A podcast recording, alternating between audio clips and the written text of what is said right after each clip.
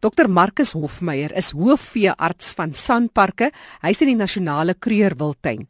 Marcus, as ons praat van renosterstropery, is kreur een van die plekke wat die meeste deurloop. Vertel ons eers oor hierdie interessante unieke spesies, renosters, want daar is tog 'n ligpunt. Renosters is baie spesiale diere en ek dink dit is 'n goeie voorbeeld van hoe mens spesies kan terugbring van uh weet omkeer van uh, uitsterwing want daar was maar net so tussen 30 en 50 diere oor aan die begin van die laaste eeu.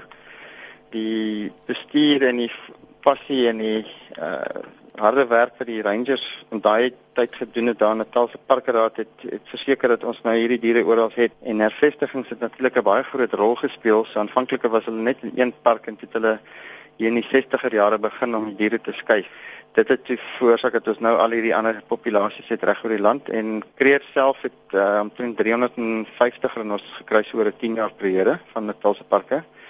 Dit het nou gegroei tot die hoeveelheid wat ons nou het wat weet hier naaste by 10000 uh, diere is, jy weet. Mm, so dis nie krities bedreig nie alhoewel daar ander uitdagings is wat ons in die gesig staar met renoster getalle. Ja, kyk, is nie krities bedreig nie en ons is nog nie in 'n situasie waar die diere gaan verdwyn nie, maar die probleem is ons het natuurlik nou hierdie ongelooflike druk op ons met met die uh, poaching wat nou aangaan en ek dink as ons nou al die strategiese goed in plek sit wat ons nou beplan om te doen oor die volgende 5 jaar, uh, behoort ons 'n uh, omkeer te sien in daai tyd en ek dink ons sal die renosters weer terugkry tot waar hulle is. Ons moet net kry dat almal saamwerk in dieselfde rigting trek om te verhoed dat uh, die stropery nie erger word nie.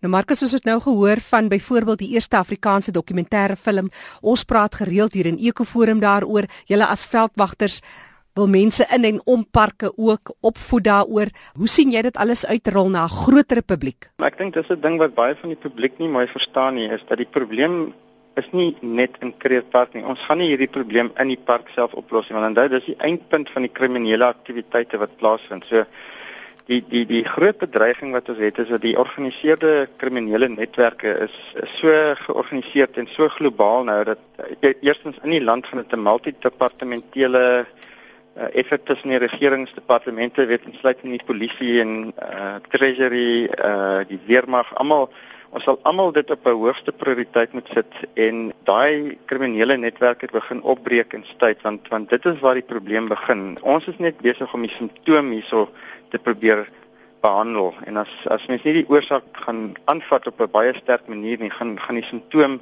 altyd daar wees. So dis verskriklik belangrik mense verstaan dat die probleem lê met die algemene probleem met met georganiseerde misdaad wat regtig 'n bedreiging vir die land nie net vir ons vir ons diere is nie maar vir ons ekonomie van ons land. Dr Marcus Hofmeyer is hoofveearts van Sanparke. Marcus, dis die een kant van die muntstuk renosterstropery. Aan die ander kant is dit 'n besondere dier, een van die groot 5. Vertel ons van hy interaksie van die diere, die wit en die swart renoster onder mekaar en met mense. Ja, ek is uh, eerstens met mes uh, dit uitwys swart en wit renosters is is baie verskillend in hoe hulle sosiaal met mekaar verkeer. So dis al klaar en nogal 'n groot interessanthede dat dit wit wit renosters is uiters tropdiere, uh, behalwe nou vir groot bulle wat in hulle gebiede rondloop, maar die koeie en die kalfies, jy weet jy kry partykeer getroppe tot 20 hier in die park, uh, maar die meer algemeen is hier so 3, 4, 5 diere.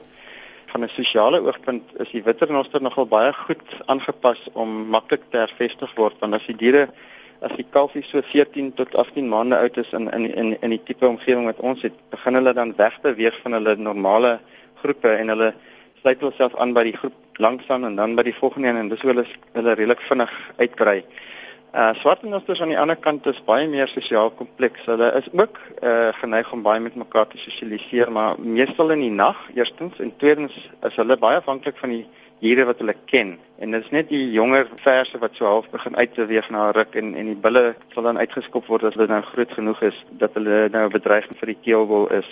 Hulle is baie nou geheg aan mekaar. Jy sal sien as hulle onder 'n boom lê dan lê hulle omtrent op mekaar en jy weet hulle hou daarvan om fisies aan mekaar te kan raak en alles. Hulle speel ook 'n baie belangrike rol in die ekologie van 'n landskap want hulle verskaf korter grasperke wat uh, ander diere dan bevoordeel. So hulle help dan help om die landskap soort van as mens dit kan koor te ingenieur om 'n sekere manier te lyk. Hulle, hulle speel 'n baie groot rol met die verpakking en uh, verdieping van pannetjies. So die pannetjies hou dan langer water. So as as 'n dier in 'n in in in die omgewing het hulle nie net 'n ek dink 'n waarde omdat dit 'n belangrike dier is, maar hulle speel fisies 'n groot rol met die manier hoe die landskap uh, ontwikkel word. Swart renoster teenoor wit renoster, albei kry maar ewe swart en of te opsigte van renoster stropery, albei het 'n horing. Vertel ons bietjie meer oor die voorkoms van so dier. Ja, hulle is albei uh twee horings in vergelyking met die met die een horing Asiatiese renoster wat net een horing het. Daai daai renoster wat soos 'n panser lyk, uh wat mens in Indië en in Nepal kry. Uh maar al, albei ons spesies het twee horings die die koeie en die bulle het horings. So onthou dis 'n ander tipe groeistelsel as 'n as 'n horing van 'n buffel of 'n koei. Ehm um, dit kom van sy neusbeen af en dit is 'n baie fyn groeilaagie en is meer soos hare. Die anatomiese formule is baie meer soos jou vingernaal as wat dit soos 'n horing is. En hulle is geneig om daai horings ook te slyp en weet te werk sodat hy redelik dig en hard word. So die groot verskil tussen wit en swart en ons is wit en ons eet gras en swart en ons eet takke en blare en hulle monde is daarbey aangepas. Die wit en ons het 'n plat breë mond wat hy mee gras maklik kan kan afbyt. Swart en ons het so 'n lippie wat hy mee takkies kan gryp en en, en afbreek en kou. Swart en ons is gewoonlik baie meer senuweeagtig baie meer skugter en dis hoekom sien so min mense hulle gewoonlik in plekke want hulle is in digter bos en en kruip ja. vinniger weg as wat petronosse dit sou doen. Altyd van hulle kan gevaarlik wees, uh, so mense moet hulle nooit onderskat nie. As mens hulle alleen los en jy kom nie per ongeluk baie naby aan hulle nie dan is daar gewoonlik nie 'n probleem met hulle nie. Nou Kreer is van die plekke in ons sonder nou maar Kreer uit omdat jy daar ook werk, is van die plekke wat ook kwai deurloop ten opsigte van stropery. Kan jy emosie agtergekom het as jy op so 'n toneel kom waar kleintjies rond staan? Kyk, dit is 'n dis 'n baie hartseer storie. Ja, ek meen vir my persoonlik is dit baie uh, tragedie van ek het uh, in my lewe nou al baie renosters rondgeskuif, vervestig en deel gewees in projekte waar ek weet hulle nou 'n beter lewe het. So weet jy om te sien hoe 'n plek wat ons in die wat my voorgangers so goed die goed beskerm het nou eenvoudig omdat daar groter ekonomiese waarde aan 'n horing is, die goed so doodgeskiet word sonder gevoel of gewete dat dit nou eintlik ehm um, hele wêreldskade dui. Dit is verskriklik hartseer en ek weet ek het ook baie meer gevoel met met die veldwagters wat al die werk moet doen. Ek wil die ouens is dag en nag in die bos en hulle doen 'n verskriklike goeie job en ek dink die publiek moet waardeer hoe moeilik dit is om op ons skaal die goeie werk te doen wat hulle wel doen. En uh, jy weet dit is baie frustrerend vir hulle ook as hulle by 'n dooier en ons kom en hulle nou vir 3 dae lank voorgelê om te probeer die ouens vang en so. So ja, dis nie 'n baie gesonde situasie op die oomblik nie. En die renoster self, wat is die gedragspatrone van die res van die trop as daar een van hulle uitgewis is? Kyk, gelukkig is dit nie so groot krisis uh, soos byvoorbeeld in olifante waar die kom ons sê nou die materiaal geskiet word dan is daar iewes skielik 'n probleem met die hele trop se leiding en so. Hulle is nie heeltemal so georganiseer nie, maar ehm um, jy weet hulle sal wel begin skuif van plekke waar hulle baie gepla word en uh dit is maar net nie goed vir 'n populasie om so uh onselektief uitgehaal te word uh op die skaal wat dit gedoen word nie, jy weet. Gelukkig is renosters redelik vinnig aanpasbaar by ander renosters. So solank jy net daai kleintjie dan op 'n stadium by ander renosters kan kry, dan sal mens gewoonlik vind dat hulle nie enige traumatiese agtergrond het. Dit is natuurlik 'n aanvanklike stuk waar mense hulle nou wegvat en na 'n plek toe vat waar hulle nou gekyk word en so dan kan jy sien hulle is nogal redelik gestres en dit is maar net natuurlik, maar sodra hulle voel hulle is weer in geselskap van ander renosters of selfs selfs 'n bok byvoorbeeld dan is hulle geneig om baie vinnig te bedaar en en, en nie noodwendig stres te wys nie. So is so is nie 'n dier wat daai nagevoel so sterk deur deurwys soos byvoorbeeld 'n uh, uh, olifant kalfie nie.